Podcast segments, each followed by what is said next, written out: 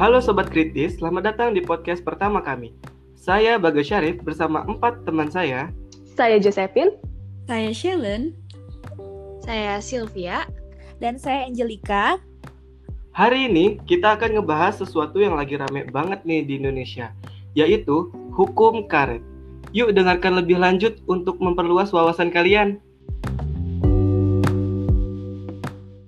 Oke sobat kritis, seperti yang udah disinggung Bagas nih ya tadi, kita bakalan ngebahas tentang hukum karet di Indonesia. Tapi sebelumnya kita bakalan ngebahas hukum Indonesia sendiri itu. Hukum ya, hukum sebagai warisan kolonial itu muncul awalnya karena ada keinginan dari kolonial itu sendiri, yaitu Belanda, untuk mewujudkan perbuatan yang tidak merugikan satu dengan yang lain, yang artinya saling menghargai. Nah, bahkan di Indonesia sekarang ini kita rasain banget kan kalau misalkan Indonesia tuh emang saling menghargainya kuat banget. Iya, betul. Setuju sih. Uh-uh. Dan sampai sekarang pun prinsip dari kolonial itu masih dianut di Indonesia di dalam hukum itu sendiri. Walaupun banyak dari rakyat Indonesia yang mengatakan sudah merdeka, tapi kok masih menganut prinsip kolonial dan bukan prinsip dari Indonesia itu sendiri. Kira-kira Shell, kan ada tuh yang ngomong kayak gitu, berarti ada sisi dari ada sisi negatifnya gak sih? Dari oh tentu, sisi negatifnya itu ditemui karena Indonesia seakan itu nggak punya prinsip dasar sendiri, seperti yang udah saya omongin tadi. Kalian ngeliat gak sih kalau misalkan eh, kita menggunakan prinsip yang dari kolonial itu, eh, Indonesia tuh kayak bergantung gitu pada kolonial. Jadi kalau tidak ada kolonial itu maka hukum di Indonesia itu tidak terbangun. Kan kalau eh, negatifnya kayak gitu ya penglihatannya. Mm-mm.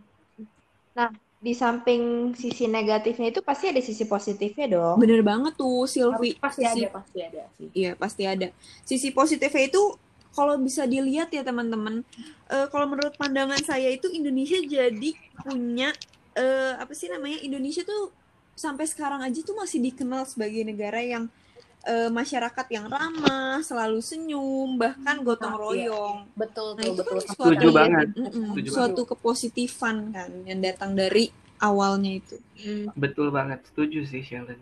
Berarti bisa dibilang dari yang awalnya kolonial itu bisa membentuk Indonesia yang sekarang ini ya, walaupun ada sisi negatifnya, tapi positifnya tuh Indonesia jadi mempunyai citra yang baik.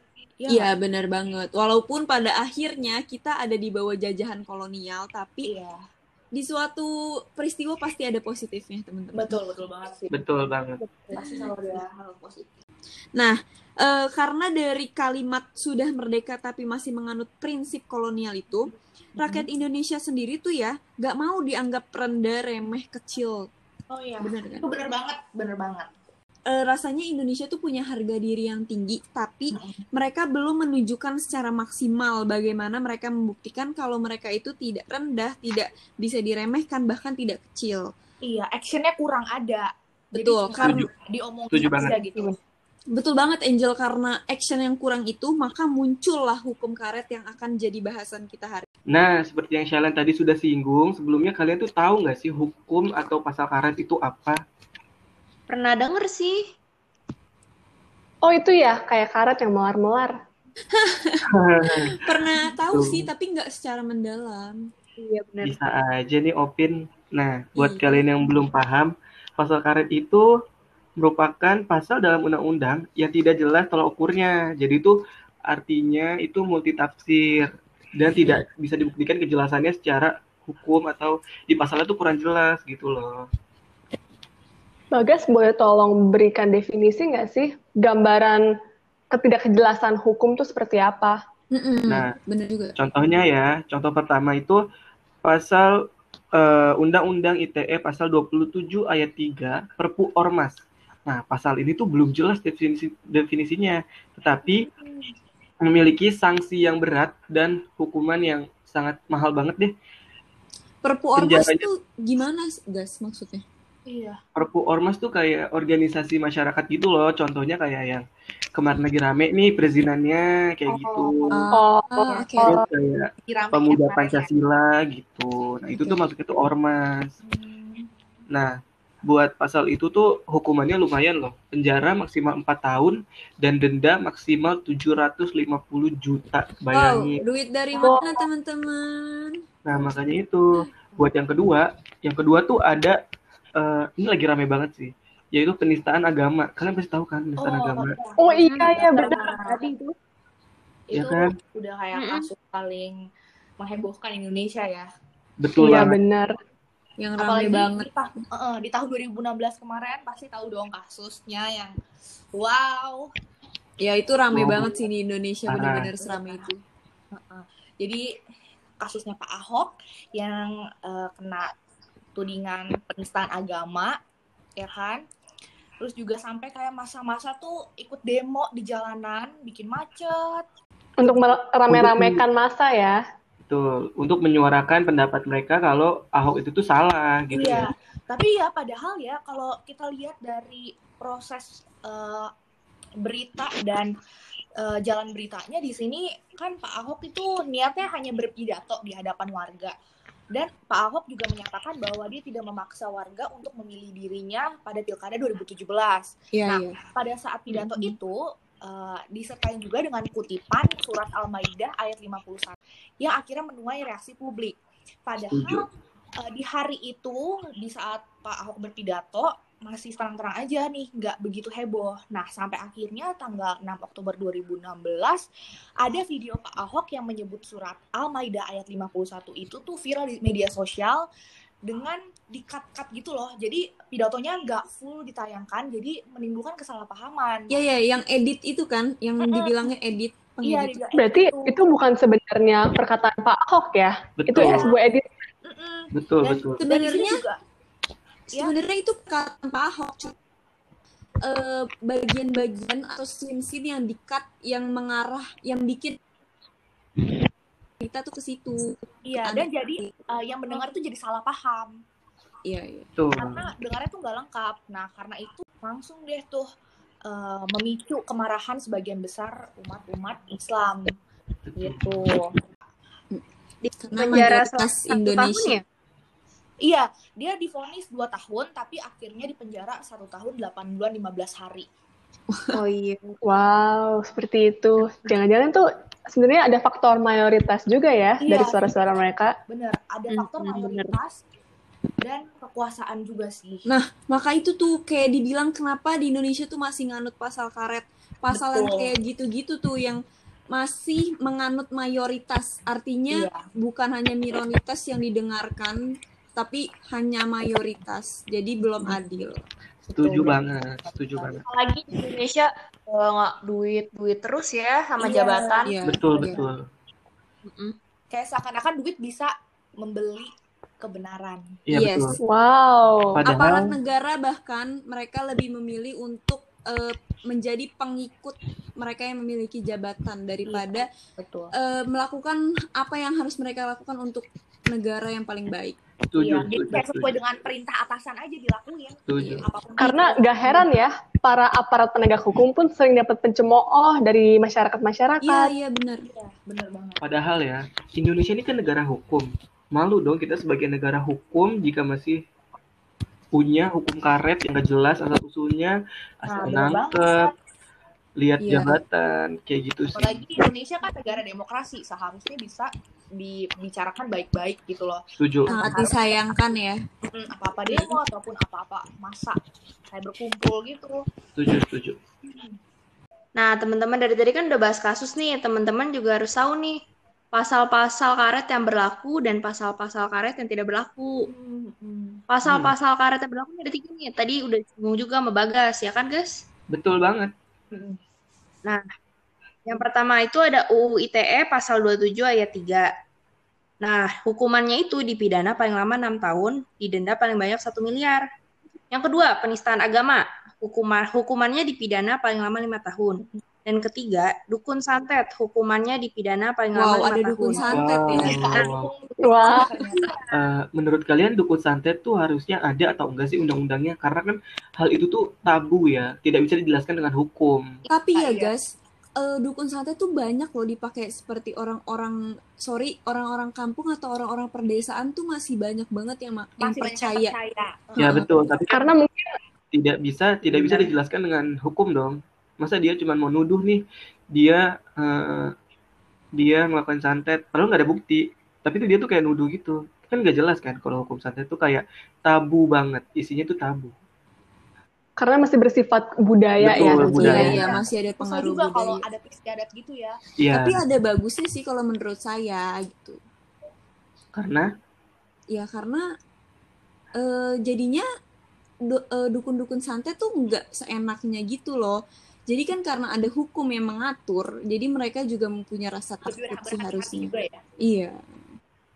Punya rasa takut dan Benar. akhirnya nggak melakukan itu sih harusnya. Tapi ya kalau dilihat pada kenyataannya, hmm, kayaknya nih polisi juga harus belajar indigo nih biar bisa tahu siapa yang nyantet. bisa bisa. Iya bener banget. Nah lanjut nih guys ke pasal karet yang tidak berlaku. Ada penghinaan terhadap presiden. Hukumannya dipidana paling lama 6 tahun dan didenda paling banyak 4.500.000 ribu. Wah, itu bukannya banyak ya orang-orang di Twitter tuh pada bersuara untuk mengkritik presiden dan juga mungkin mencemooh presiden ya. Kan Betul, banyak ya. Betul Banyak banget, banyak banget sih. Iya, kayak curahan hati semua. Ini tuh pasal ini sedang dihidupkan kembali juga oleh Jokowi. Peraturan yang betul. sama atau ada yang diperbaharui itu kira-kira? Hmm, Harusnya sih sama ya betul. peraturannya. Menurut kalian reaksi masyarakat gimana sih? Sebenarnya mereka tuh tahu ada hukum-hukum kayak nggak boleh melakukan penghinaan, tapi masih aja mereka berani gitu kan kayak yang di Twitter yang dibilang sama Josephine tadi. Sebenarnya mereka mau berbicara aspirasi sih menunjukkan aspirasi, tapi penyampaiannya Iya. tidak benar, Iya. terlalu Betul, kasar betul. Betul, mungkin. bisa seperti Kurang itu. Mungkin bila masyarakat diberikan edukasi literasi yang lebih, mungkin mereka bisa lebih bertanggung jawab ya atas perkataan aspirasi mereka. Setuju, lebih respect juga Ya, Oh, respect betul. sih. Iya. Nah makanya nih uh, buat teman-teman yang di rumah lagi dengerin podcast kita bisa banget nih dapat pelajaran-pelajaran baru dan uh, apa ya kayak pemikiran baru karena kan pasti kita semua di sini nggak semuanya pemikirannya sama kan. Betul. Makanya kita Betul. ngobrol aja gitu. Wih. Kita mencoba mengeluarkan apa yang menjadi pandangan kita, namun Iya. dengan cara yang lebih baik. Betul banget. Kita juga ngebahas yang lagi happening nih sekarang-sekarang Hmm. ini. Dan kita juga nggak menghakimi juga kok kalau perkat semua perkataan itu benar. Yes, Betul. kita open, kita aja open. gitu. Betul, betul. Twitter juga banyak yang hal-hal Iya. begitu ya. Banyak sih. Ada kan kejadiannya tuh pernah kan yang kejadian ditangkap itu? Oh iya ya, Iya nih ada oh warga Cianjur dia tuh meng menghina Jokowi. Kalau Jokowi Oh. tidak lulus dari UGM serta memakai jasa palsu. Hmm. Wow. Berita hoax sih di Indonesia udah marak banget. Betul, betul, betul. Iya, makanya. Di Facebook, Twitter itu sering banget sih di Iya. post. jadi sekarang tuh susah ya membedakan antara berita asli dengan hoax. Betul. bahkan berita-berita yang dibawa ke pengadilan juga akhirnya nggak jelas apakah itu fakta ataukah itu hoax. Betul banget. ngomong-ngomong pasal karet nih, eh, ternyata tuh malah pasal karet ini menjadi senjata untuk menyebak lawan politik. Jadi aparat negara tuh jadi mempersempit ekspresi warga. Kebanyakan mereka yang menjalankan tugas sebagai penegak hukum itu tuh bekerja dengan para petinggi dan pasal-pasal yang ada itu digunakan sebagai alat membungkam masyarakat. Iya benar Dan- banget. Mm, sesuai dengan catatan pelaporan kasus UU ITE juga, ternyata pelaporan terbanyak justru dilakukan oleh kalangan para pejabat sampai 35,92 persen. Wow. Aduh, Sebenarnya itu sebenarnya itu karena masyarakatnya yang emang nggak diterima eh, pengaduannya atau gimana ya? Karena semakin Eh, banyak mungkin karena eh, para pejabat ini tuh merasa terancam dengan adanya kritik ataupun opini-opini yang beredar di masyarakat yang mungkin menjatuhkan gitu loh. Jadi banyak banget eh, pelaporan kasus UU ITE dari para pejabat sih. Nah, terus juga kalau eh, teman-teman di sini pernah dengar, tadi kan kita udah ngebahas masalah pertwitteran kan. Kemarin ini eh, Hmm. akhir-akhir akhir-akhir 2019 kemarin itu pernah Twitter dihebohkan dengan kasus Papua dan Wamena dan ada juga kasus Dandi Laksono. Mungkin ada yang pernah eh, ikutin juga kasusnya di sini. Nggak ada sih. Oh, Nah, dengar sekilas sih. jurnalis Oke. bukan sih? Itu yang tentang jurnalis itu bukan sih? Iya iya yang tentang jurnalis itu. Jadi sebenarnya eh, Dandi Laksono itu tuh jurnalis yang mengutip dan menulis eh, apa ya kayak keadaan yang terjadi di Papua dan Wamena lima jam setelah hal itu terjadi. Nah terus dia juga em, meng- mengupload beberapa foto-foto yang eh, menjadikan kayak oh ini yang terjadi sekarang yang ada di Papua dan Wamena. Tapi ternyata masyarakat itu ada yang salah menilai dari tweet dari Dani Laksono ini. Salah satunya eh, sang pelapor Asep Sanusi. Jadi si Asep Sanusi, Asep Sanusi ini tuh eh, menuduh eh, si Dandi Laksono ini melakukan tindakan pidana yaitu menyebarkan informasi yang menimbulkan rasa kebencian dan permusuhan berdasarkan sara. Padahal kalau dilihat eh, kita searching nih di Google itu sama sekali tweet tweet dari Twitternya nggak ada ujaran kebencian, pure memberikan informasi aja. Oh, jadi sebenarnya miskomunikasi ya Iya, antara kedua belah betul. pihak. Iya, gimana mau dikatakan kalau dia melakukan pengujaran kebencian ya itu kan setelah lima jam kan tadi Iya, kata. heeh. dan ada buktinya langsung kok kalau dia tuh sama sekali nggak menghina, nggak mencemooh, nggak mencemooh dan sebagainya. Tapi karena pasal karet ini yang masih belum jelas, kira-kira tolak ukurnya apa sih? Jadi si Dandi Laksono itu dijadikan tersangka, langsung dapat eh, langsung didatangi oleh polisi dan dibawa ke Polda Metro Jaya. Wah, bukannya ada hukum ya yang seharusnya tuh melindungi para jurnalis. Nah, itu dia. Eh, berita ini sebenarnya udah nggak diupdate sih sampai sekarang. Tapi terakhir dari pengupdatean Dandi Laksono ini tuh dia hanya menjadi tersangka aja. Mungkin nggak di nggak sampai masuk penjara, cuman sebenarnya pasal karet ini tuh lumayan meresahkan masyarakat sih. Padahal kita niatnya mungkin berbagi informasi ataupun sharing, tapi ada mungkin selalu ada orang-orang masyarakat yang melihat itu tuh kayak salah, selalu salah gitu. Yes, Dan kayak itu- mempersempit aspirasi. Bisa dengan gampangnya melaporkan melaporkan gitu itu sih minusnya aja dari pasal karet UITE ya Iya. Setelah mendengar banyak kasus dan juga pasal-pasal yang sudah tidak ada, tahu nggak sih dampak dari hukum karet itu sangat besar loh dampaknya bagi masyarakat. Karena muncul rasanya tidak percaya terhadap hukum. Masyarakat tuh dianggap sebagai alat kekuasaan politik dan hukum itu diidentikan dengan mereka yang punya uang. Karena para penegak hukum yang terkesannya tuh tebang pilih dan sering kali hukum itu tumpul ke atas dan runcing ke bawah. Iya Iya betul. Iya. pepatah yang udah dari kecil kita dengar sih Betul, Gampang. bener banget. Bener. Karena artinya penegakan hukum kurang tegas pada petinggi-petinggi yang melanggar hukum. Sedangkan masyarakat kecil atau minoritas seperti kita nih, Hmm. sering kali dikesampingkan. iya Sedih banget nggak sih? sedih banget Dan mereka tuh membutuhkan uang yang banyak hanya untuk mendapatkan hak-hak yang seharusnya dilindungi hukum. betul Hukum di Mm, Indonesia lemah ya berarti ya. iya kurang tegas sepertinya ya. iya bener. Coba nih, apabila hukum dijadikan alat untuk memidanakan seseorang hanya karena dianggap melakukan perbuatan pencemaran nama baik, tentu akan berdampak besar nggak sih bagi kebanyakan minoritas-minoritas yang tidak mempunyai kekuasaan. iya pasti Betul. ngerasa kalau eh, di Indonesia tuh nggak adil ya pastinya Mm-mm.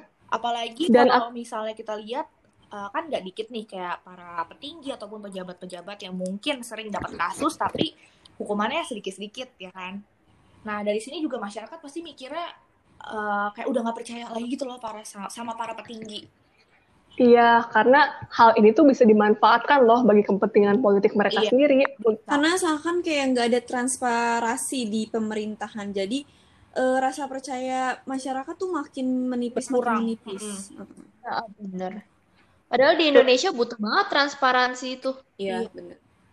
Makanya itu adalah tugas kita ya bagi generasi muda tentunya para sobat kritis untuk bisa mengedukasikan Yes, untuk Oh, iya. bisa memperbaiki hukum ke depannya lebih baik Iya. karena itu betul sekali. penerus kita nih penerus Indonesia karena hukum Betul. itu penting di masa depan bukan cuma buat eh, mereka-mereka yang sekarang ada di pemerintah tapi buat kita juga Iya, dan buat start Betul banget. kita nanti ya, Sheldon ya. Yes. Dan- dan- dan- dan. Hmm?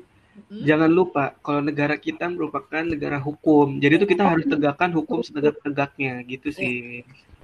Setuju banget. Karena aturan ini tuh seharusnya tuh benar-benar mendatangkan keadilan, kebahagiaan, dan kesejahteraan masyarakat. Setuju banget. Sebab hukum adalah sarana untuk mengakomodir masyarakat dan bukan untuk menjatuhkan lawan-lawan kekuasaan. Setuju banget. Kayaknya harus- Waduh, Kita harus selalu ya. mengingat kalau kita sebagai rakyat Indonesia itu saling menghargai, Benar saling banget. menolong. Jadi kesimpulannya adalah masyarakat di Indonesia tentunya harus lebih belajar lebih, banyak ya teman-teman hukum. mengenai hukum karet ini. Apalagi nih buat teman-teman di rumah nih yang kebanyakan pasti yang dengar podcast itu remaja-remaja ya.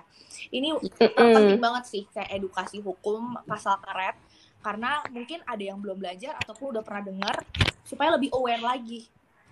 setuju. Lebih membuka pandangan sih sebenarnya. Setuju banget.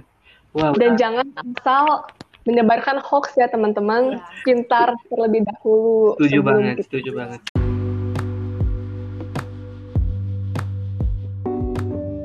Oke sobat kritis, ya nggak kerasa ya kita udah sampai di ujung pembicaraan. Iya nih, cepet banget ya guys ya rasanya. Betul banget. Semoga informasi yang kita sampaikan tuh dapat bermanfaat buat kalian semua yang mendengarkan, khususnya generasi muda karena kalian yang akan membawa negara Indonesia ini. Betul. Betul sekali. Semoga teman-teman di rumah juga lebih paham sama hukum karet, apa itu UITE, Betul. jadi lebih aware juga Betul. nih, nggak asal cuma di internet.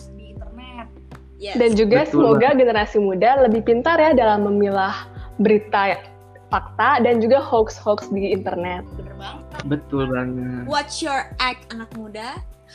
Semoga lebih teredukasi lah. Iya. Iya, Yes, betul. betul banget. Sampai jumpa di podcast selanjutnya.